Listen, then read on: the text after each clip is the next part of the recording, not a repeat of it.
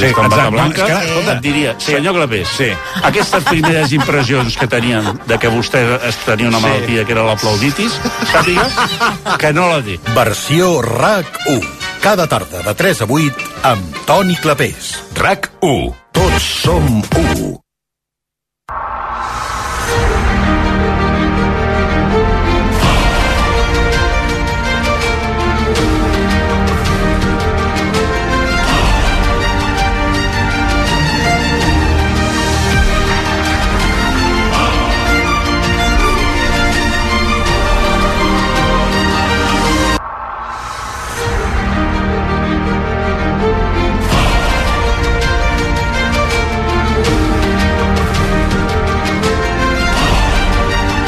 Vuit en punt, Superesport, sintonia del 6 eh, Nacions, Francesc Gómez, hola, bona tarda. Bona tarda, Xavi. O bona nit. Eh, de seguida truquem també al Cugat eh, Comas perquè s'incorpori també, eh, puguem analitzar aquesta tercera jornada dels 6 Nacions de rugby que ens ha deixat emocions fortes, sense anar més lluny avui, eh, de França. Jo, jo crec que arrencarem per aquí, no? Sí, sí, perquè és l'últim que, que ha passat, ara de seguida el Cugat que en digui la seva, però primer el deixem que es recuperi una mica. Canviarem eh, aquesta sintonia dels sis nacions. Com a bon italià, Punti Prats, eh, que ets, posa-li porca misèria una mica a la sintonia. No, no, porca misèria, posa-li posa porca misèria una mica.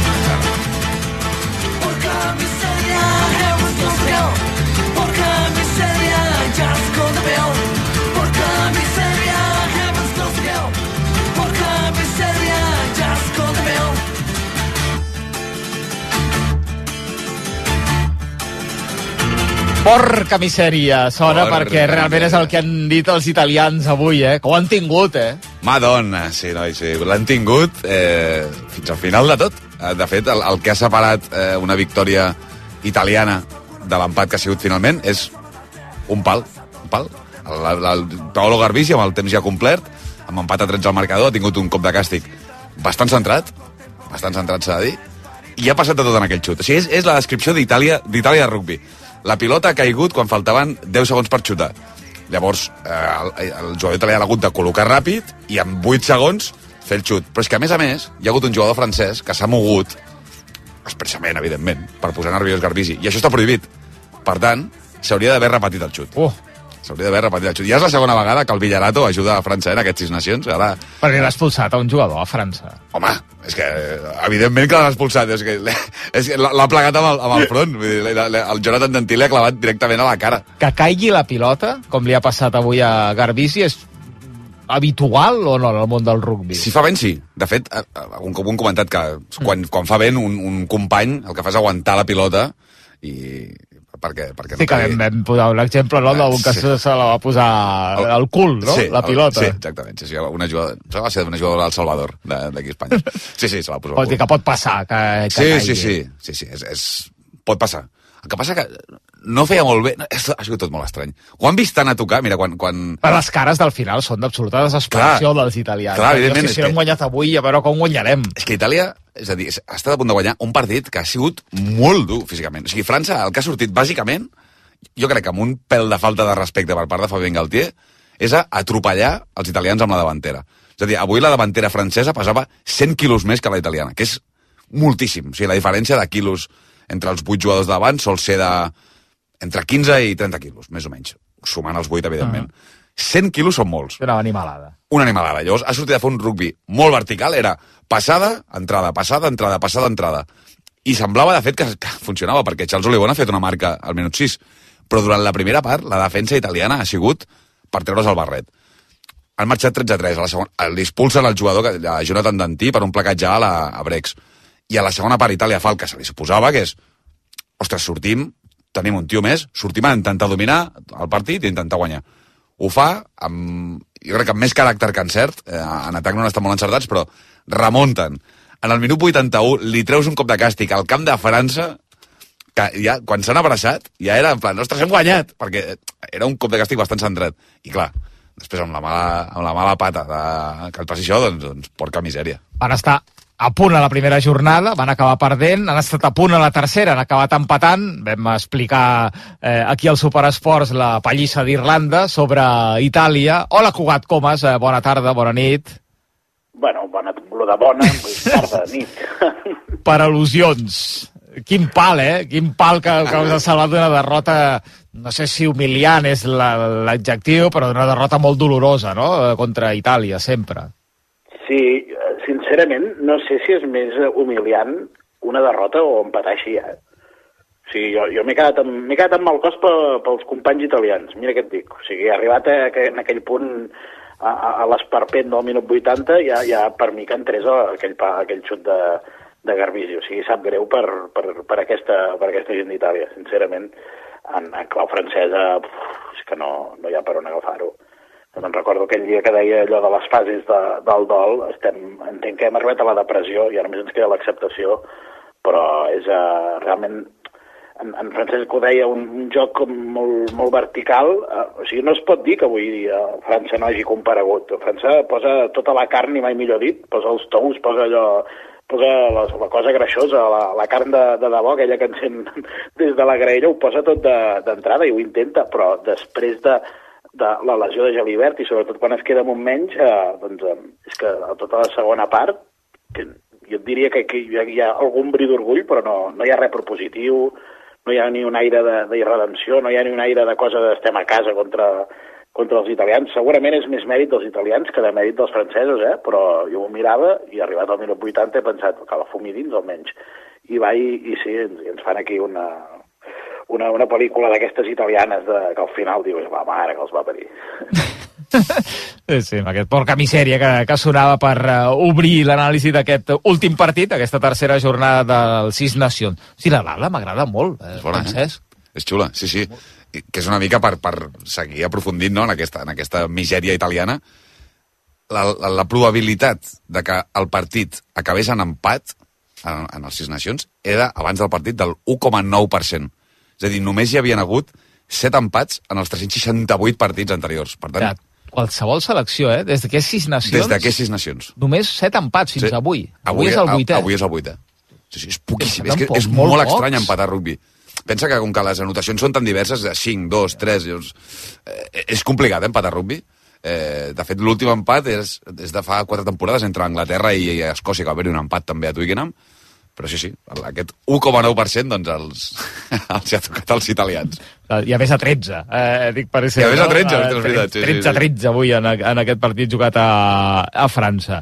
I l'MVP li dones a un francès? Sí, mira, per ser una mica positius i perquè el Cugat no se'ns tiri, Tenim una mica. no se'ns tiri per la finestra el Cugat, eh, li donarem a, a Pozzolo Tuilagi, que és aquest jugador que el, el vam comentar la primera jornada, 19 anys, que és el, el petit de tota la saga Tuilagi, 19 anys, meta 94, 149 quilos, que és, és, un, és una bèstia parda, És el de l'USAP, aquest. és el de la USAP, i a part de, de ser físicament, evidentment, molt imponent, està demostrant, eh, i cada cop li vas veient més coses. Dius, ostres, no és només un, un sac de carn, sinó que té mans, té criteri, té visió, eh, està molt actiu. Per, per lo que pesa aquest tio, està molt actiu tota l'estona durant el partit. I és d'aquests jugadors que li fan bé a un esport, perquè sense ell ser mediàtic en el sentit de que, no sé, no és Instagramer o no diu tonteries per, per les xarxes socials, però pel, pel tamany que té, pel cabell, per ser qui és, no? per ser el fill d'Estuilag, etc. cada cop que agafa la pilota, a la, a la grada avui sentia... "Uh", allò, l'efecte Quaresma, però eh, amb bon jugador. Quaresma, per favor. Quins referents, mare meva. Això va dir-ho a la porta. Efecte Quaresma amb bon jugador. Eh, aquesta és la, la definició de Tuilagi quan agafa la, la pilota. Amb les vermelles haureu de fer alguna cosa, Cugat. Són dues expulsions en tres jornades, no?, de França. Sí, però no, no, no, no ens agafem, eh, amb aquesta inferioritat. És que no... Hem vist, hem vist, i fins i tot hem narrat aquí a l'estudi uh, equips que sent un menys no, no, no, no, no, no s'enfonsen o, o, o fan alguna més. Vull dir, sí que és fotut jugar amb un menys a, a rugby 14 contra 15, però... Uh, ah, perdoneu, eh? Vull dir, estic una mica creuat. Va, queda, queda clar. Va, anem a, anem a altres partits que s'han jugat també en aquesta jornada. El- La dominadora, Irlanda, que hi va tornar a passar per sobre de Gales, en aquest cas, 31 a 7. Posa-li una mica de Derija Train, eh? jo et diré guiant, eh, Pontiprats, tu tranquil. There is a train that leaves tomorrow. We're gonna get on it. There is a train, come on, let's hurry. Let's get on it. So there is a train.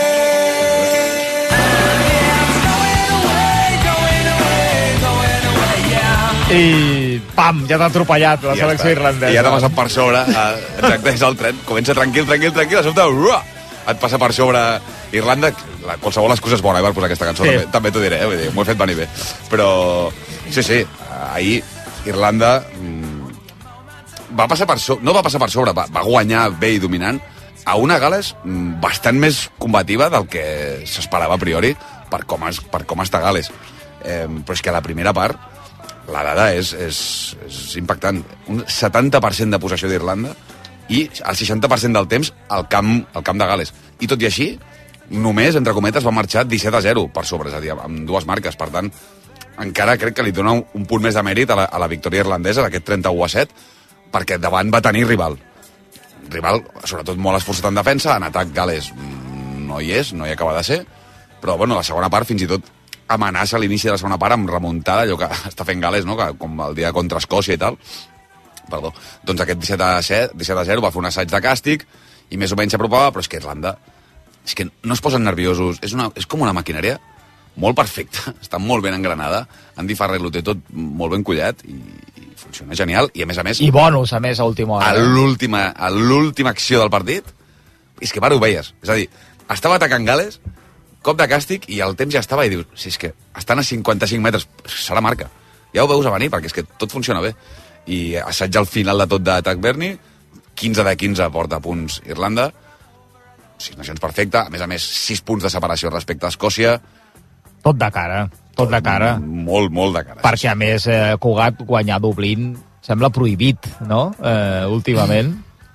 Sí, a, a mi em recordava, és el Barça d'handbol, no?, que sobretot a la Soval eh, fa anys i panys que es passeja d'una manera que, que, que mires un partit i dius, dius com és que encara juguen aquí, no? Com el jugador del Ciutat Encantada, i a vegades, i, i noms d'aquests una mica, una mica peculiars, i, i et dona aquesta sensació, són dues lligues diferents, i Irlanda realment a, a Dublín sembla imbatible, uh, o sigui, a la que surt ja aquell, aquell president etern que tenen a Itàlia, a, a Irlanda, a la que surt a saludar, ja penses, mare de Déu, el carro que li caurà al rival, i per, mm, en Francesc ho deia, a, a mi aquesta Gales eh, realment m'està agradant, ha perdut els tres partits, però jo la dono per, per favorita en el, en el proper partit a Gales contra, contra França, perquè, perquè realment és que sembla que no, que no, no l'entreni gaire en Gatland, perquè en Gatland, que és una cosa, una cosa molt, com molt quadrada i així, i aquests plantegen una cosa que, que embussa una mica els rivals, però, però planteja com un joc, com un caos. Clar, Warren Gatland i caos és com parlar de, de normalització lingüística en català i Inés Arrimadas. O sigui, són, són conceptes que no,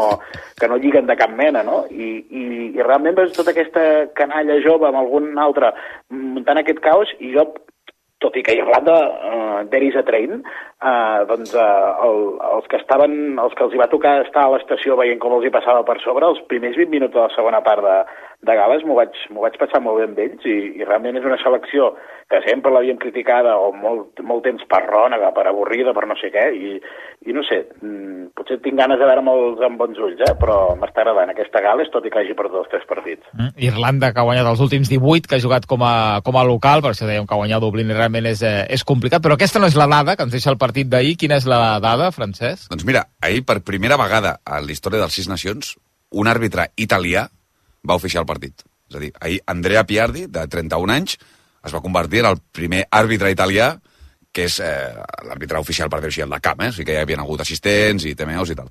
Però sí, sí, Andrea Piardi, 31 anys, que tot just aquest és el seu segon any com a àrbitre professional, eh, doncs es va convertir ahir en, en el debutant, doncs només han fet falta 24 anys perquè... Res.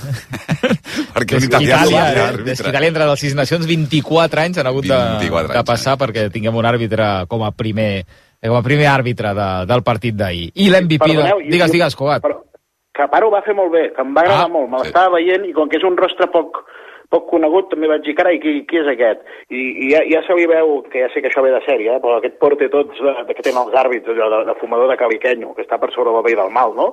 Però uh, realment em va, em va agradar molt com, com ho va fer. Per tant, uh, Bienvenuti, que em sembla que es diu en italià, i a veure si també renovem i airegem una mica també l'estament arbitral. Doncs apuntem el nom d'Andrea Piardi, que el veurem més sovint segurament eh, xiulant partits dels sis nacions. Eh, I l'MVP, per aquí, d'aquesta victòria ahir irlandesa? Doncs coincideixo amb el que van dir a la tele, que és per Bundiaki, no tant pel partit d'ahir, que també, que va fer un partit eh, molt bo, com, com acostuma a fer el número 12 a Tongà, sinó perquè ja és una constant, el Mundial ja va ser el millor jugador d'Irlanda i, i és, és com un, és un pilar allà al mig eh, que li funciona molt bé a Andy Farrell i fa que ha ajudat també, per exemple, la transició de Jack Crowley com a 9-10 segur que l'ha ajudat a tenir un, centre, un jugador veterà al costat que el- que el- que l'ajudi, que el mentoritzi, etc. Mr. Crowley, que ahir va, va Mister tornar a estar Crowley. encertat en Molt encertat. xutapals, eh? Sí, en, en, en xutapals i en, i en distribució de joc, eh? M'està agradant molt, molt eh, l'amic d'Ozzy Osbourne. I ahir també teníem la Calcuta Cup, que comença a ser ja un clàssic que la guanyi Escòcia, Francesc. Sí, eh, és sorprenent, eh? És la, és la quarta Calcuta Cup consecutiva d'Escòcia, que això, l'últim cop que, que va passar, fa 128 anys. És a dir, feia 128 anys, Que no hi havia quatre, quatre victòries consecutives d'Escòcia. Però quatre són moltes, eh? Vull dir que ja pots parlar d'una tendència de, ostres, doncs els últims 5 anys, o 6, 7 anys, Escòcia, rugbísticament, és superior a Anglaterra, que això mm, t'ho diuen fa 10 anys i dius que dius boig. Doncs és així. Eh, és una mica... Saps què passa amb Escòcia? Passa una mica com les males temporades del Barça, que si guanyes el Madrid eh, més o menys ho justifiques tot. Amb Escòcia passa això, perquè se li hauria d'exigir molt més, però com que han guanyat els anglesos, doncs mira, eh, passa, saps? Tira, tira, no, no mirem mm, que, que, en què fallem. Però tot i així ahir, molt bon partit. Jo crec que ahir és una... Pels que seguiu el rugby, mireu-vos-el, perquè és entendre què és Finn Russell i per què és un geni, aquest tio, perquè tot i que el- el- l'estrella o, o, o, les abraçades se les endú Duhan van der Merwe, que fa un hat-trick, com genera el joc Finn Russell i com domina el partit és, és digne de menció. A mi m'agrada moltíssim Finn Russell, que a més a més fa una assistència amb el peu al tercer assaig, magnífica, amb l'exterior, eh, preciosa, i aquest 30-21 contra una Anglaterra que va començar bé, s'ha de dir, va començar molt bé, però es va anar desintegrant. És, una, és, és això que li passa a, a vegades a aquesta Anglaterra de Steve Borwick, que dius, ostres, eh, si, si pot jugar rugby el Madrid, eh, eh, eh, ojo, ojo, que els tenim aquí. I, i, i es va diluint, diluint, diluint, i allò es, es, es cau el, el castell de, de cartes, es desfà, i, i Escòcia va ser bastant millor. Se li va escapar, això sí, Cugat, el bonus a Escòcia, que ens hagués donat una mica més de vida en aquesta, en aquesta lluita per guanyar aquests sis nacions. Sí, hem de- hem d'exagerar una mica i hem d'impostar, eh, si creiem que encara, encara no està clar com acabarà això. No, és que si no, ja tanquem la paradeta, Cugat. Ja. No, no, no, hem de, hem de seguir Ens quedarem sense feina, Cugat, home. Però llavors, a, a, a mi, i a part Escòcia que venia, cal recordar, dues primeres jornades a la qual a, a la segona part venia la debacle i llavors eh, ahir te l'està- jo no sé vosaltres, però jo l'estava mirant anava pensant, ai, ai, ai, ai, ai, ara ve, ara ve quan, saps? Ara ve quan cauen de ginolls, ara, ara, ve, ara ve quan, perquè com que els altres també són al Madrid, anava pensant, ara, ara ve l'espíritu de Juanito, i anava pensant, ara ven els escocesos fent d'escocesos, ara ven els anglesos fent d'anglesos. I no va acabar passant ni una cosa ni l'altra, i realment va ser molt bon partit d'aquesta Anglaterra que, que està com, molt, com poc fermentada, saps? Com, com que avui es deu, eh, o ahir a la nit es duria acabar la cervesa allà, allà a Escòcia, el whisky, doncs com quan et donen una beguda d'aquestes i dius, bueno, escolta'm, que això més que un whisky sembla kombucha, doncs, eh, doncs això, li, li falta ferment a, a Anglaterra i en canvi la, Escòcia està segurament mires totes les peces i estan com en el seu, en el seu millor moment. Ja ho deia en Francesc, que en el seu millor moment eh, haguem d'exagerar i exagerem i diem encara hi ha sis nacions, doncs dius, vinga, va. Encara hi ha sis nacions. Si hi ha Lliga a la primera divisió espanyola, imagina't si hi ha sis nacions encara en aquest 2024. La dada de música... Uno, dos, tres, sí. Nena. Descarado. Viril. Mirad qué pectorales. ¡Qué guapo soy! Sempre de nivell la música que ens eh, tria el Francesc Gómez. De portar un àudio fric, i és aquest. Perquè Duhan van der, van der Merwe, que si el teniu més o menys visualitzat, aquest era l'àudio de Johnny Bravo. Això és una, una, uns dibuixos animats. No sé si teniu vist... Johnny Bravo, el recordes? És un, és un tio ros, molt musculat, eh, amb, amb, amb ulleres de sol. És l'estereotip de, de l'heteropatriarcat i del masclisme, pur i dur. Doncs s'assembla moltíssim al pobre Duhan van der Merwe, que no estic fent aquí cap analogia, eh? simplement és una cosa estètica. Però s'assembla moltíssim. I és que ahir Duhan van der Merwe va fer tres assajos a, contra Anglaterra. I es va convertir en el primer jugador a la història dels Sis Nacions que li fa tres assajos a Anglaterra. Mai ningú, mai cap jugador li havia fet tres marques a, als anglesos. I va acabar i va dir, uah, ¿quieres ver mis pectorales? Doncs Johnny Bravo, eh, Van der Merwe, que ahir va ser protagonista, mira, m'ensenya l'Albert Ferran, en Johnny Bravo. Eh, És igual, és igual, és amb clavat. aquests, amb aquests bíceps eh, realment desenvolupats. I l'MVP de la victòria escocesa ahir per aquí? Doncs me'l faig venir bé perquè vull, vull explicar aquesta història. És per Jamie George, que és el capità anglès, eh, més enllà de com va jugar. Eh, va explicar una història abans del partit, i és que eh, quan a ell li van dir que seria capità d'Anglaterra, fa, fa vora un any, a la, la seva mare li van diagnosticar el mateix dia un càncer. I la seva mare va morir aquest dimecres. I ell ho va explicar, va explicar la història i va dir jugaré igualment perquè la meva mare era la meva major fan i hagués volgut. I el meu pare també m'ha demanat que, sisplau, jugui el partit. Per tant, aquestes històries eh, maques, no? més enllà de, de si la pilota entra o no entra, o si dona el pal o no, doncs aquestes històries són, són xules. Doncs MVP per Jamie George amb aquesta història personal. Ens queden 4 minuts eh, de, de secció de resum de la jornada. El protagonista de la jornada, que és aquest. Dominus! Pizza. Domino's Pizzas, el, resum, el protagonista de la jornada. Qui és el protagonista de la jornada? És que el, avui el número 8 italià, que de fet és sud-africà, però bueno, juga amb Itàlia, Ross Vincent, ha jugat el seu primer partit com a titular amb Itàlia. I aquest jugador, a part de ser internacional amb Itàlia i jugar als Exeter Chiefs, té contracte de treballador a Domino's Pizza. És repartidor de pizzas a Domino's Pizza. Clar. I, I ho ha explicat perquè ell és, està, està estudiant a la Universitat d'Exeter, a Anglaterra, i el, i el contracte de Caix, que té 21 anys, llavors té contracte com de, de juvenil, per dir-ho així.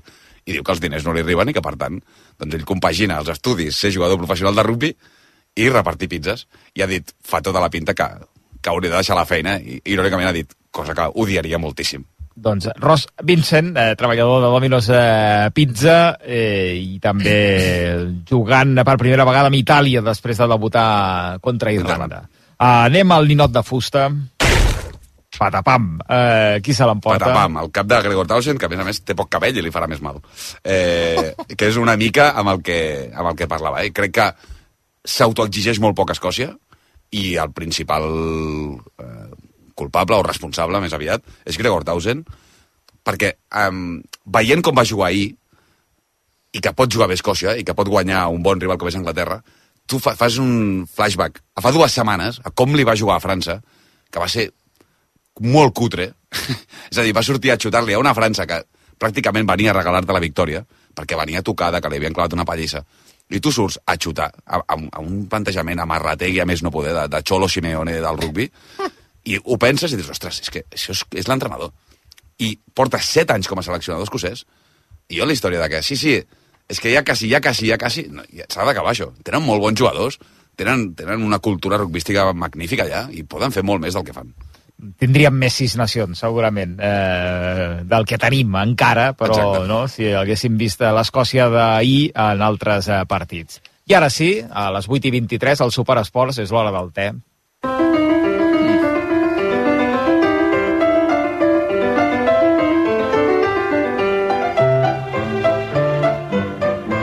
L'hora del tem, eh, Cert Cugat, eh, Cugat, per on ens porta l'hora del te d'aquesta setmana?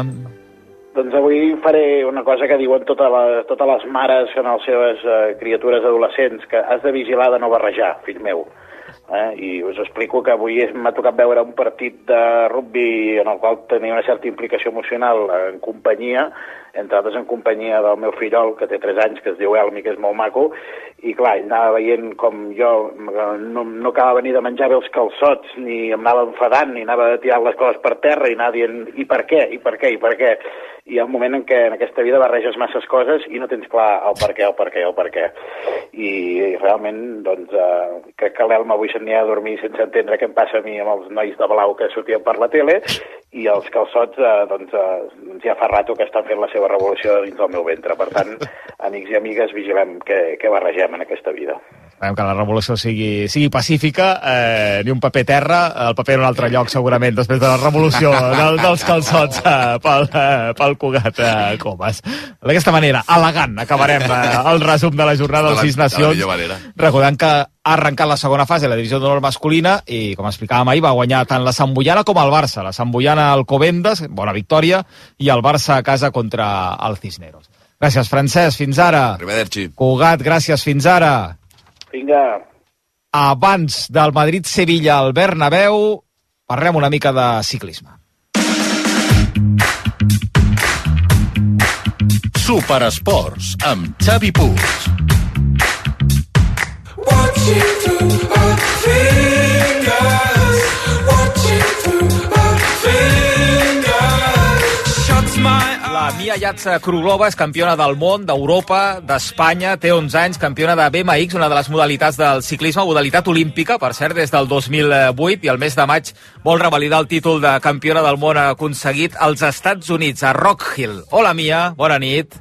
Hola, Tenies competició avui a Barcelona. Mia, com ha anat eh, això? avui no m'ha anat molt bé perquè a la sortida se m'ha escapat el peu i ja ho he perdut tot.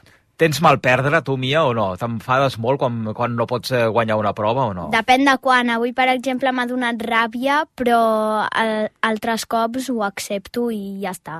I ja, la, ja pensant en la següent, no? Sí. A veure si a la següent no, no, no hi ha aquesta, aquest pedal que se- que s'escapa al principi. La Mia, que ha vingut acompanyada de, de la família, del seu pare, del eh, Marc. De... Hola, Marc, eh, bona, bona nit. Hola, bona nit. Té mal perdre o no, la Mia? No, la No? no? veritat és que no. Per sort, eh? Perquè ja està bé que tampoc, total, al final estem corrent, però no ens hem de d'atabalar. Competició avui a Barcelona, a Horta. Allà és on t'entrenes eh, habitualment o on t'entrenes més, eh, a, a Horta, al velòdrom o no? Sí, allà ja entreno els dilluns, els dimecres i els divendres. Dilluns, dimecres i divendres. Sí. Perquè llocs per entrenar-se a Catalunya, eh, n'hi ha molts o no n'hi ha molts? N'hi ha quatre. A Mataró, a Lliçà, a Sant Andreu, a Terrassa i aquí a Horta. No és el velòdrom ben bé, és a sota. A sota del velòdrom, És eh? un circuit de BMX, són, són coses diferents. Mm. Uh, tres viatges, per tant, tu on vius, eh, Mia?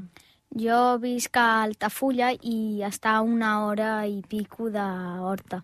Per tant, eh, la carretera o l'autopista d'Altafulla a Barcelona us el sí. coneixeu bastant bé, Marc, Cada no? cop mira el GPS que no hi hagi algun problema, però sí, sí, bé. Hi ha millors circuits a Europa per entrenar-se, Mia, que no, que no a Catalunya, o no? Sí, depèn de quins. Per exemple, el de Verona no m'agrada molt, però el de Besançon, per exemple, que és a França, m'agrada molt. Com és un bon circuit de BMX? Què ha de tenir perquè tu, tu passis bé, gaudeixis a, en un circuit? Doncs jo crec que corredors, perquè a mi tots els circuits m'agraden, però el que no m'agrada són els salts picats, que vol dir que puja molt i després baixa de cop i em costa molt passar-los. Mm. Home, té més mèrit encara, no?, que hagi estat campiona del món, de- d'Europa, de, d'Espanya, eh, amb aquestes condicions que, que dieu, no, Marc? De, vaja, evidentment aquest desplaçament cap a Barcelona tres dies a la setmana, però també circuits que són com són, eh, no?, amb, amb condicions eh, que altres, segurament, eh, ciclistes en tenen de millors eh, per poder competir. Sí, té molt mèrit. En tota Espanya no hi ha un circuit de nivell internacional i el que puguis entrenar amb una sola recta d'un internacional, aquí tens tot el circuit i moltes vegades no tens la tècnica que, que tindríem una sola recta allà. És complicat, per això sí. Poguéssim tindre l'entrenador, precisament, ja fa temps que va buscant a veure si un terreny o per fer alguna aquí i, bueno, sempre es complica la cosa i, no hi ha manera, però si sortís un terreny, l'entrenador està disposat a muntar un circuit amb condicions que et podria portar molta gent de fora, perquè venen molt a entrenar aquí, com que el clima és bo, poden entrenar tot l'any, seria una gran cosa. Què ha de tenir una bona corredora de, de BMX, eh, Mia? Que, mm, per què ets la Doncs- millor del món, tu? Doncs la veritat és perquè jo ho dono tot a les curses i jo crec que una bona corredora no ha de tindre un títol en especial, sinó que mentre vagi ràpid, sàpigui fer la tècnica bé, que vagi a circuits internacionals, que guanyi allà que és molt difícil, doncs per mi ja és una bona corredora. Perquè quan dura una, una prova de, de BMX? És un, un esforç molt, molt allò de, de, poc, de poc temps, no? De, de molt, molt continu, però de poc temps, de durada, no?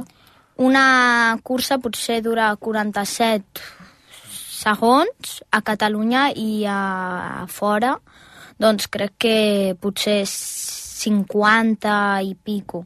Clar, això vol dir màxima concentració, Sí. no? Perquè en menys d'un minut et jugues allò a passar ronda o, o a la final eh, guanyar-la o no guanyar-la. La sortida és molt important o, o no és el més important de, de tot en el BMX? Depèn dels corredors. Per exemple, avui jo he tingut un corredor que és molt bo i clar, jo ja si surto malament ja em tanquen.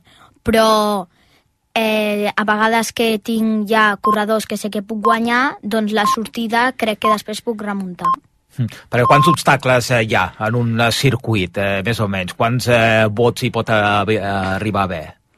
Ara mateix no ho sé, però els circuits tenen 4 o 5 rectes. 4 o 5 rectes, Sí. és a dir, que cada recta que hi pot haver 4 o 5, eh, 5 salts, Sí, eh, més o si menys? són petits, sí, si són molt grans, pues, a la primera recta, per exemple, d'Horta hi ha dos salts, però són molt grans. Mm -hmm. I és més important la recta o és més important eh, allò, el, el revolt eh, per aconseguir guanyar una, una cursa de BMX? Doncs jo, la majoria de curses que he guanyat han sigut per als revolts, perquè si entres a l'interior ja, doncs, pots agafar molta velocitat i sortir primer, i doncs jo he arribat a adelantar a la recta però costa més perquè no saps si la persona es pot tancar, si no o el que sigui. Mm.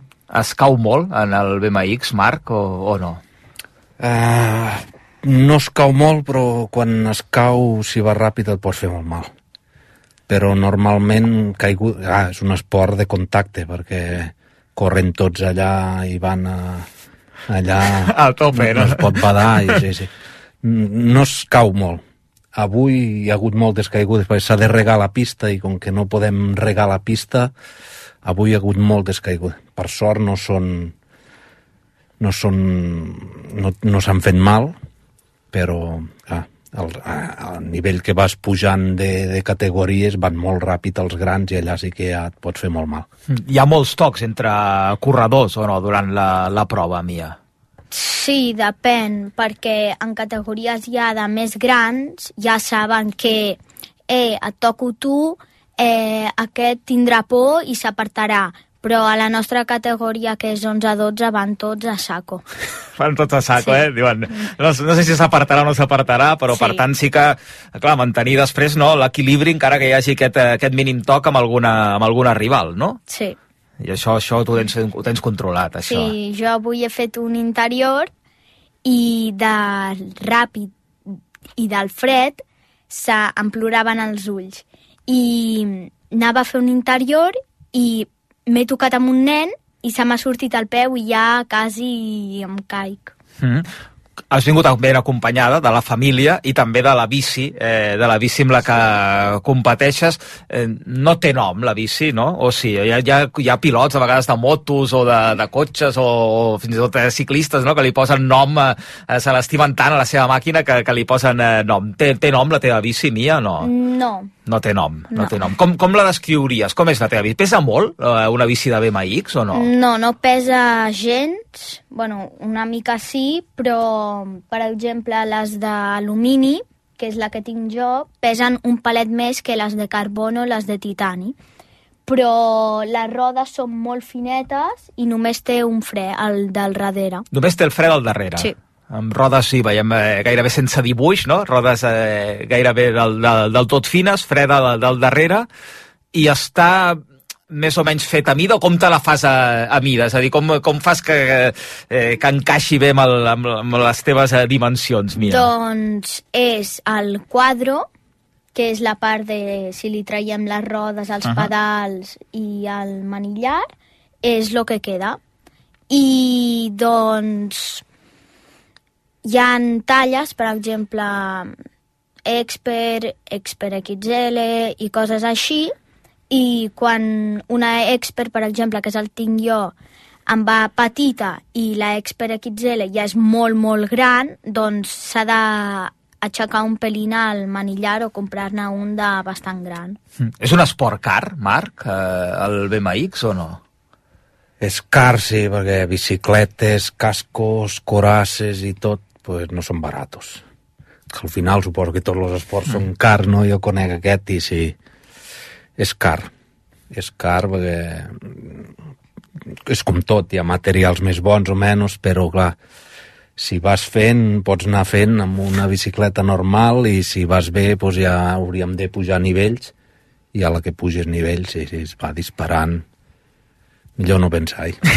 Perquè de bicis aquesta i, i prou, és a dir, no, no en té més de bicis la mia, a part de- d'aquesta amb la que heu competit avui a Barcelona, per exemple. Eh? Aquesta, aquesta que ja ens toca canviar-la per algo millor, perquè aquesta no... Va, qualitat poca, però és el que dèiem.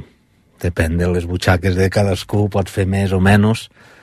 Si tot va bé hi haurà bici nova, que pensàvem que la tindríem pel Mundial, però de moment s'haurà de llargar la cosa. Clar, i després eh, de com vagi creixent, no? que això sí que evidentment eh, Sí. obliga un canvi sí o sí, encara que, Sí, que la no, bici estigui més o menys eh, bé, no? Si la mia, evidentment, eh, vés a saber, d'aquí dos Podem- anys potser m'adeix 20 centímetres més, no? el que duren normalment són uns dos anys, però és això, si eh, compraries una bici ara i fa l'estirada, llavors pues, canviem-la. Competeixes amb el Catalonia Team, eh, tu, Mia. És, hi ha dos clubs a Horta, és l'XL Catalonian i el Catalonia Team. I doncs entrenem el mateix, però és com un apartat que són ja el Catalonia Team.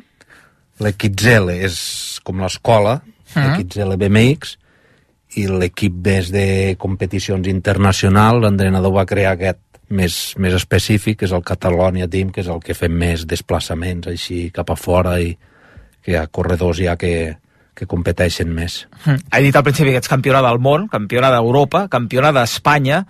No he dit que ets campiona de Catalunya. Eh, què passa amb el, amb el campionat de Catalunya, Mia? Doncs el Campionat de Catalunya ara ha sortit que els nois i les noies abans corrien per separat i ara s'han ajuntat.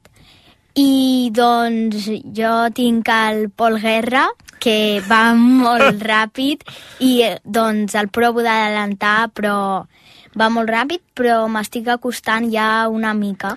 Pol Guerra, eh? Sí. Pol, que sàpigues que, que la Mia cada cop és més a prop, eh, que per tant no te'n refis, eh, que, que Pol algun dia al Campionat Són- de Catalunya també també caurà. Som Eh? companys d'equip, eh? També corre el Catalònia. I l'ha pogut guanyar a Mataró. A Mataró és l'únic circuit. Clar, és, és l'enemic a batre. Avui hi era el Pol a, la, aquesta prova Sí. a Barcelona, sí. Avui I l'ha ha- guanyada ell o no? Sí. Ha guanyat. L'ha guanyat. Aquest any ha canviat de categoria, s'ha Mhm. de dir això també. És, va de petita. I l'any passat es barallaven ella i el Pol sempre, i aquest any, pues, com que hi ha els dos més grans, pues, són quatre, que sort que hi són, perquè al final, quan, corria, quan no corrien junts nens i nenes, per amb ella era un passeig, això, i allà no preníem res.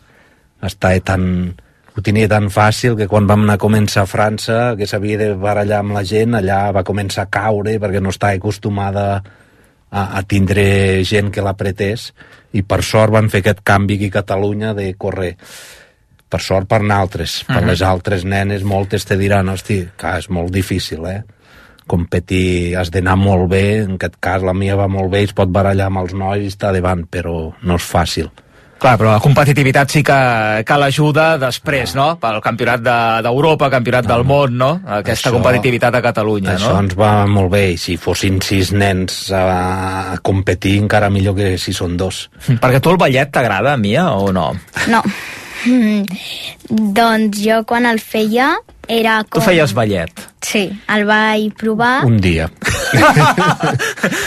Un dia, el vas vaig provar. provar i em mirava totes les nenes de la classe em giro i veig que toquen amb els peus al cap. Ep. I jo provo i giro giro i no m'estiro. Total que vaig sortir i dic, papa, això no és el meu. I, i realment no, el teu era la bici. Això, Sí. eh, no sé si tenies clar que era la bici o no, però vas veure que el ballet no era, no era el teu. No, Sí. el ballet segur. I llavors veu dir, Marc, eh, la bici. Tot això a Rússia, hem de dir, no? Sí, sí, perquè vivíem allà, la meva dona és d'allà i vivíem allà, i gràcies a una amiga de la meva dona que el seu fill anava en bicicleta, ens ho va dir, oh, apunteu-la allà, i sí, la vam encertar, perquè realment amb el tutú eh, vam riure els pares veient-la, però de poc més va servir. Per tant, amb la bici, sí, bici sense pedals al, al principi. Com, Sí. com, com, com t'aguantes amb una bici sense pedals, eh, Mia? Doncs en lloc de les rodetes són posar els peus. Per exemple, doncs els pedals però és per emputxar-te amb els peus.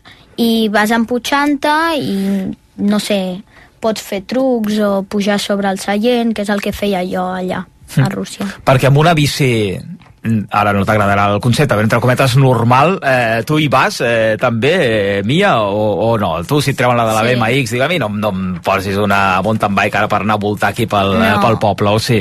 Jo sóc una mica boja amb les escales i tot això i el papa no em deixa baixar amb aquesta bici perquè la roda es pot trencar. Total que tenim doncs, una bici per tota la família per si sortim a rodar a prop d'Altafulla. Ens faltaria que, que es fotés malbé aquesta bici ara, Marc, aquesta no? no, aquesta no, no es pot fer res. Anem d'aquí a l'entreno i prou. I amb les altres, la veritat és que com que jo no, no sóc gens d'esport, podríem dir, No li ve de, de família, això de la bici, no, eh? no, no. Sort que hi ha un tiet que ell sí que va molt en bicicleta i se l'endú, quan van al poble, se l'endú de tant en tant, però a part del BMX, que ja ens aniria bé també fer, perquè vulguis que no fas fondo i així, però no, no. Per això encara és un mèrit més gran el que té, de que en poc que fem i, i va bé. I ara el Mundial és als Estats Units. Eh, Mira, has estat mai als Estats Units o no? No, No, I t'agradaria anar-hi, no? sí. De fet, hi aniràs, no? O no? Sí, segurament sí. Segurament sí. Sí. Ja anirà o no, Marc, la Mia, als Estats Units a intentar revalidar el títol de campiona sí. del món? Convé demanar un crèdit, es demana. L'any passat, quan va acabar va acabar el Mundial que va guanyar, hòstia, estàs molt content, però penses, hòstia, l'any que ve és Amèrica. L'any passat va ser a... A Glasgow. A Glasgow, que, una mica més a prop. Una mica més a prop. Més a prop, però bueno, també una ruïna.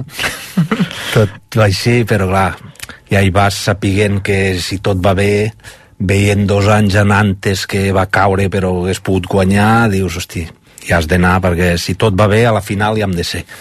I aquí als Estats Units, que és on va començar el BMX, la segona i tercera que van quedar a Glasgow eren americanes, segur que hi ha molta gent que no es pot desplaçar i que hi ha molt nivell, l'experiència segur que és molt xula, igual la fas un cop a la vida, dius, doncs pues mira, hem de fer tot el que puguem i ens n'estarem de fer d'altres coses, però almenys aquesta l'hauríem de fer. Cap a Rock Hill hi, hi, falta, hi falta gent, per això han engegat també aquesta campanya Mar de micromecenatge a través Sí. de GoFund, GoFundMe, el sueño americano d'American Dream, és el, el projecte eh, per donar suport a la Mia en aquest viatge cap, a, cap als Estats Units. Com Sí. va eh, la història, bé, Marc? Home, comença molt bé perquè tens família i amics allí que posen i et vas emocionar perquè va pujant, pujant, però bueno, arriba un punt que es pare. Esperem que aquí tota l'audiència el faci pujar un altre cop perquè, hosti, qualsevol ajuda per petita que sigui va sumant i tot va sumant i és que si no és impossible. Hmm. GoFundMe és la, la plataforma a través de la que heu fet aquesta, Sí. aquesta campanya. Heu de buscar el sueño americano d'American Dream per aquell que, que vulgui. Ja la Mia explica perfectament eh, per què ha engegat aquesta campanya, perquè eh, està recaptant diners per ajudar en el pressupost que suposa anar cap, a, cap als Estats Units a intentar una altra vegada ser campiona del món i si voleu, doncs allà hi podeu fer la vostra contribució. Has fet números o millor no fer-los, això, de, del pressupost que suposa anar-se en una setmana, deu ser gairebé als Estats Units? Sí, o... és el problema dels mundials, que no saps ni el dia que entrenes ni el dia que corres. I llavors has d'anar, doncs, els 10 dies has d'estallar, perquè tant pots córrer el primer dia i, cor i entre entrenar el primer dia i córrer l'últim, com entrenar el tercer i córrer... Com que no ho saps, has d'estallar. I això et fa encarir, perquè sapiguessis que corres el 4 i el 6 i vas aquests dies i tornes, però has d'estallar cotxes, mm, la camiseta, que és una cosa que he demanat a la federació, tant catalana com espanyola, a veure, almenys la samarreta. Samarreta, cada corredor que va allà has de córrer amb la samarreta d'Espanya i te la fan pagar i no és gens barata. Ja. La, la, uh, perdona, perdona. La samarreta amb la que competeix la Mia amb, eh, representant Espanya, diríem, no? Eh, en el Campionat del Món de BMX Amb publicitat que porta. amb publicitat de la Federació Espanyola, entenc, de, De- de patrocinadors de la Federació Espanyola. Patrocinadors de la selecció espanyola. La pagueu vosaltres? L'hem de pagar els que ah, els corredors d'èlit o així, els que s'emporten la selecció espanyola, aquests no paguen res. Però els nens, els nens eh, no pinten res. Fins que no són grans no pinten res. i la samarreta, si tu vols córrer, de portar la d'Espanya sí o sí, i te la fan pagar. Caram. Però és que te la fan pagar una samarreta d'aquestes, mm, 35 euros seria car. I aquesta val el doble. I em, sembla, em sembla increïble, perquè després aquesta increïble. federació, que és veritat que, que són nens, però que segur que a través de les seves xarxes, a través de la, de la seva web, destacaran eh, que la Mia Yats eh, Pues ha ganado no. por Espanya el, el Mundial. Ah, no? Tampoc no ho fan, això. si tu et poses a buscar jo escrivia quan va guanyar escrivia a ràdios i teles i això els hi explicava i els hi deia no busqueu a la, a la pàgina de la Federació de Ciclismo perquè no ho trobareu, perquè no, no hi ha res escrit. És la primera i única, no hi ha hagut mai ni noies ni nois campions del món a Espanya de BMX Race i no surt enlloc. No ho han ni destacat. Caram.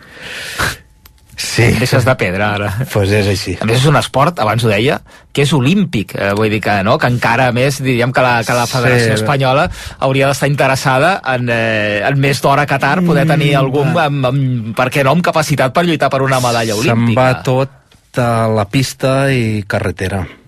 I jo són esports minoritaris i, hòstia, sembla que els hi fan estanosa.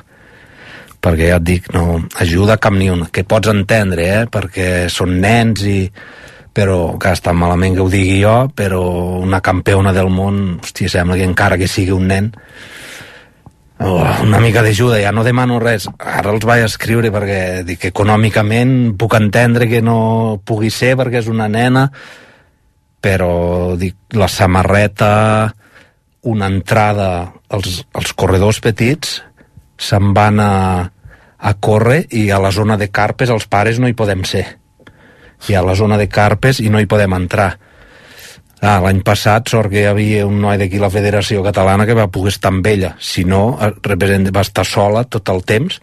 Si no hi hagués pogut aquest noi de la Federació Catalana, hagués estat sola. Els pares, per sort, la veiem des de dalt a les grades i podies estar una mica allà. Però, clar, hi ha, hi ha dos o tres mil corredors, han d'estar pendents els nens, si es perden la carrera s'ha acabat tot. Hosti, I has demanat un passi com a mínim per poder estar al costat d'ella fins que, fins que passe toqui competir. que pogués entrar jo per, per estar dins. Clar, amb, amb aquest, ara que fem la recaudació de fons, ja he posat, si arribem al tope on recaudem més, aniria perquè l'entrenador nostre pogués vindre també i estar allà amb ella, que, que això ajuda molt, que tinguis l'entrenador que et va corregint al moment. Tot, seria un gran què, però clar, mm, si per nosaltres ja és un esforç apiguent que anem a això, a l'entrenador que, si, si es pot, doncs estaríem encantats de que pogués estar allà. I la Federació Catalana hi té alguna cosa a dir o, o de, tot depèn de, de l'Espanyol o sí que hi ha alguna ajuda per part d'ells? Suposo que algú ho podrien fer, però, bueno, ni uns ni altres... Mm, Jo he escrit demanant tant a uns com als altres la camiseta, la, la, el passe aquest, de moment no hi tinc resposta, espero que la tinguem perquè és el que li deia el seleccionador espanyol de BMX mm, que parlant, quan va tornar quan vam tornar de Glasgow, clar, ells se canvien les camisetes per tindre'n amb altres companys i els, ja ens hi vaig demanar una. Dic, hòstia, campiona del món, dic, no em podríeu... I em passaven el link on poder la Per comprar. comprar-la. I al seleccionador li vaig dir, dic, home, si t'escric a tu justament perquè no vull pagar 70 euros per una camiseta i ja no em van respondre.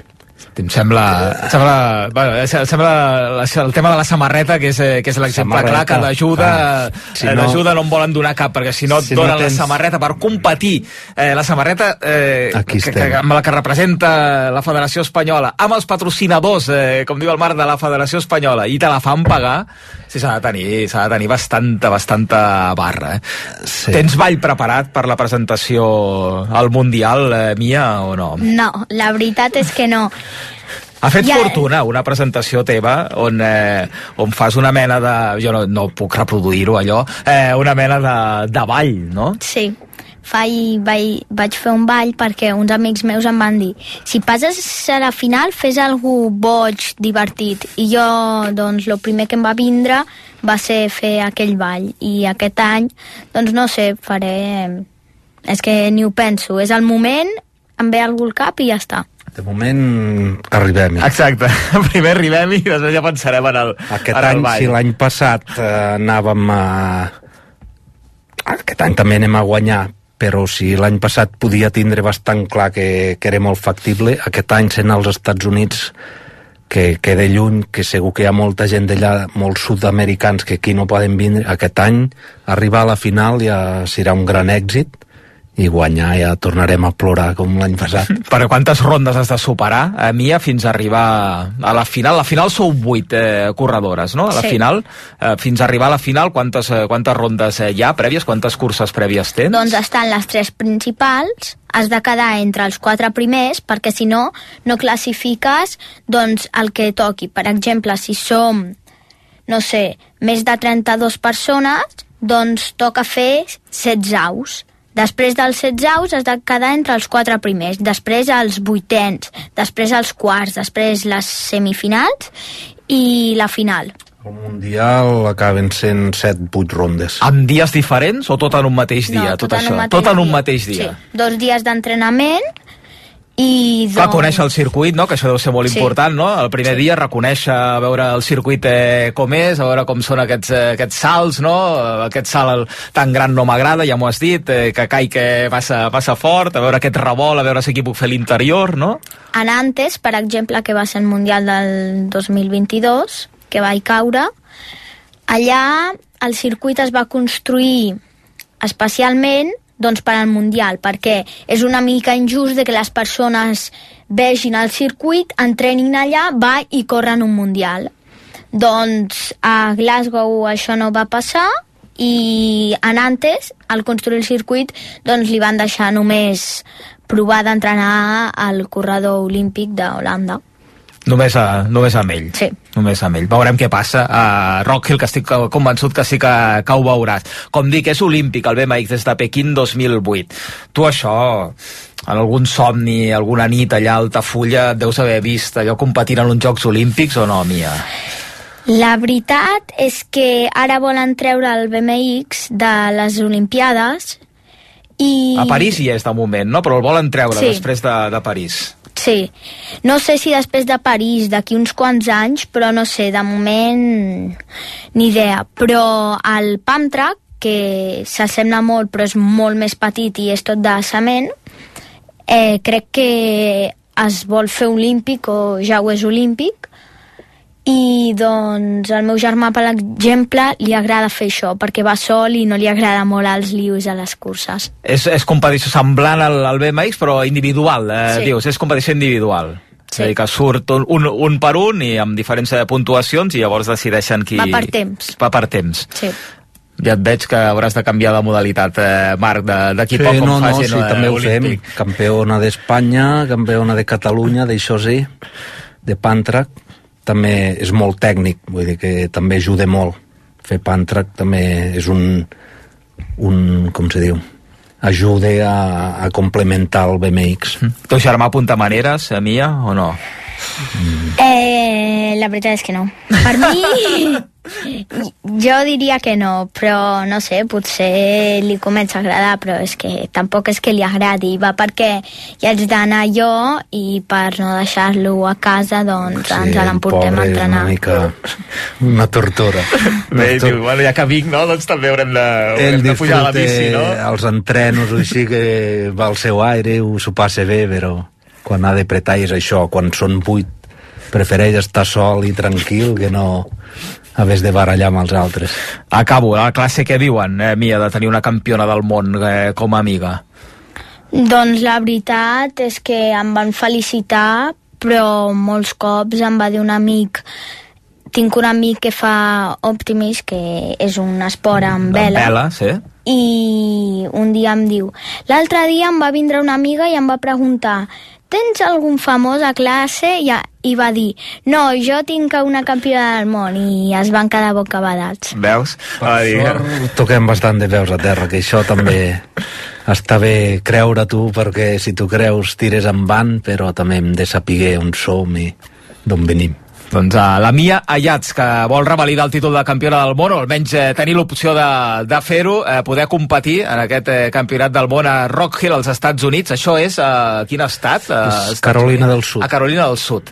Doncs eh, cap allà hi vol anar i per això també, eh, per acabar-la d'ajudar, ha engegat aquesta campanya de micromecenatge a través de la plataforma GoFundMe. Allà, eh, si busqueu el Sueño Americano de American Dream, hi trobareu tota l'explicació i si voleu fer la vostra aportació, doncs el Marc i la Mia, evidentment, us ho agrairan. Encantadíssims, tant. enormement.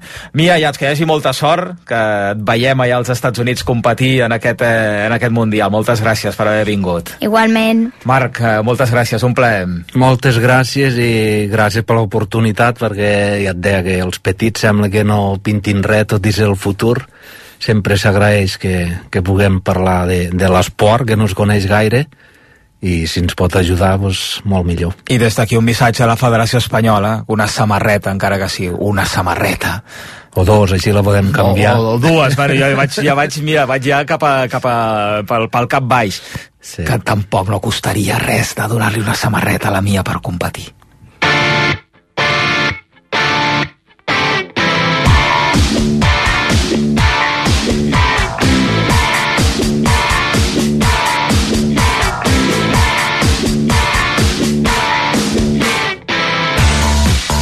Cinc minuts i les 9, se'n va la Mia amb la seva bici, la campiona de, del món de BMX amb, amb 11 anys, aquí veurem, eh, n'estem convençuts als Estats Units també aquest proper mes de maig. I d'aquí 4 minuts comença un partit que pot dir si hi ha una mica de lliga pels optimistes o si no hi ha ni una mica de lliga eh, pels eh, pessimistes, Vaja, els pessimistes ja no la veuen ara, eh, o, o pels realistes. Veurem què passa. En aquest Real Madrid-Sevilla, 26a jornada de Lliga a primera divisió, amb el Bulló ja preparat, amb l'Albert Ferran també, amb el Carlos Martínez. Hola, Carlos, bona nit. Hola, bona nit. Va, anem a recordar l'11 del Madrid, que té un munt de, de baixes, però recupera Rudiger avui al centre de la defensa. Sí, les últimes baixes recordo per lesió Joselu i els sancionats Carvajal i Camavinga. Torna Rudiger. L'únic a la porteria, defensa de 4, Lucas Vázquez, Rudiger, Nacho i Mendy. Al mig del camp, Chouameni, Valverde, Kroos, Brahim i en punta Vinícius i Rodrigo. La banqueta del Madrid poca cosa té per eh, escollir si vol canviar el partit Ancelotti. Modric i Ceballos, eh, bàsicament, també Arda Güler i no oblidem la presència del palamosí Álvaro Rodríguez. Sí que no, no sé ni si l'hem vist aquesta temporada. Sí, el va jugar un, dos minuts al camp de l'Arandina, partit de Copa del Rei, quan ja estava tot decidit. Sí? L'hem vist i has tingut sort L'hem vist, estat l'hem allò vist. nyec, eh, afortunat que el, la televisió li hagi fet algun, algun plan en tots aquests eh, dos minuts que ha jugat amb la samarreta del Madrid aquesta temporada. L'any passat va tenir minuts i de qualitat. Va marcar en un derbi Madrid-Atlético al Bernabéu, empat a un. És l'únic gol que ha marcat, però sí, sí, va tenir minuts de qualitat. I 11 del Sevilla, jugar Ramos, suposo. Sí, home, juga Sergio Ramos, avui que torna al Santiago Bernabéu, el de Camas, recordo 16 anys al Madrid, 671 partits, és el quart futbolista de la història amb més eh, partits jugats, al Madrid 22 títols, 101 gols en aquests 671 eh, partits. A la porteria, el noruec Nyland, que està en molt bon estat de forma. Tres centrals, Badé, Sergio Ramos, Quique Salas. Als carrils, a la dreta, Jesús Navas, a l'esquerra, Ocampos que, vaja, serà o ajudarà en defensa per aquesta banda esquerra quan ataqui el Madrid, però serà pràcticament un extrem quan ataqui el Sevilla, que esperem que ho faci molta estona. Doble pivot per Sumaré i So, a la mitja punta Oliver Torres, doble atacant, amb ells el Sevilla no ha perdut, de titular, Isaac Romero i Josef Ennesiri. No són molts partits, tampoc. Tres. Tres, bueno. Però la dada és aquesta. Ens aferrem a qualsevol No, no, cosa. però la dada és real, la dada no és, és cap mentida el que diu el, el Mulló. La banqueta de Quique Sánchez Flores és una mica més generosa que la del Madrid. Sí, és una mica més generosa. A la banqueta del Sevilla, a veure que la tinc per aquí, amb... Eh, a veure, aquesta és la del Madrid, té Pedrosa, té Suso, té Aníbal, eh, Janusai, Juanlo... Vaja, tampoc té molt més, eh? Ni Anzú i poca cosa més. I Alejo Vélez. I Alejo Vélez, exacte. Sí, té set baixes al Sí. Sevilla, però déu nhi eh? té plantilla àmplia perquè encara li queda una banqueta prou arreglada a Quique Sánchez Flores. Qui xiula avui al Bernabéu? Xiula Díaz de Mera, uh, assistit al bar per González Fuertes, Díaz de Mera, que ha xiulat sis vegades al Madrid, mai ha perdut, però ha xiulat 9 vegades al Sevilla, mai ha perdut. Per tant, eh, bé, un empat el signaríem tots, crec.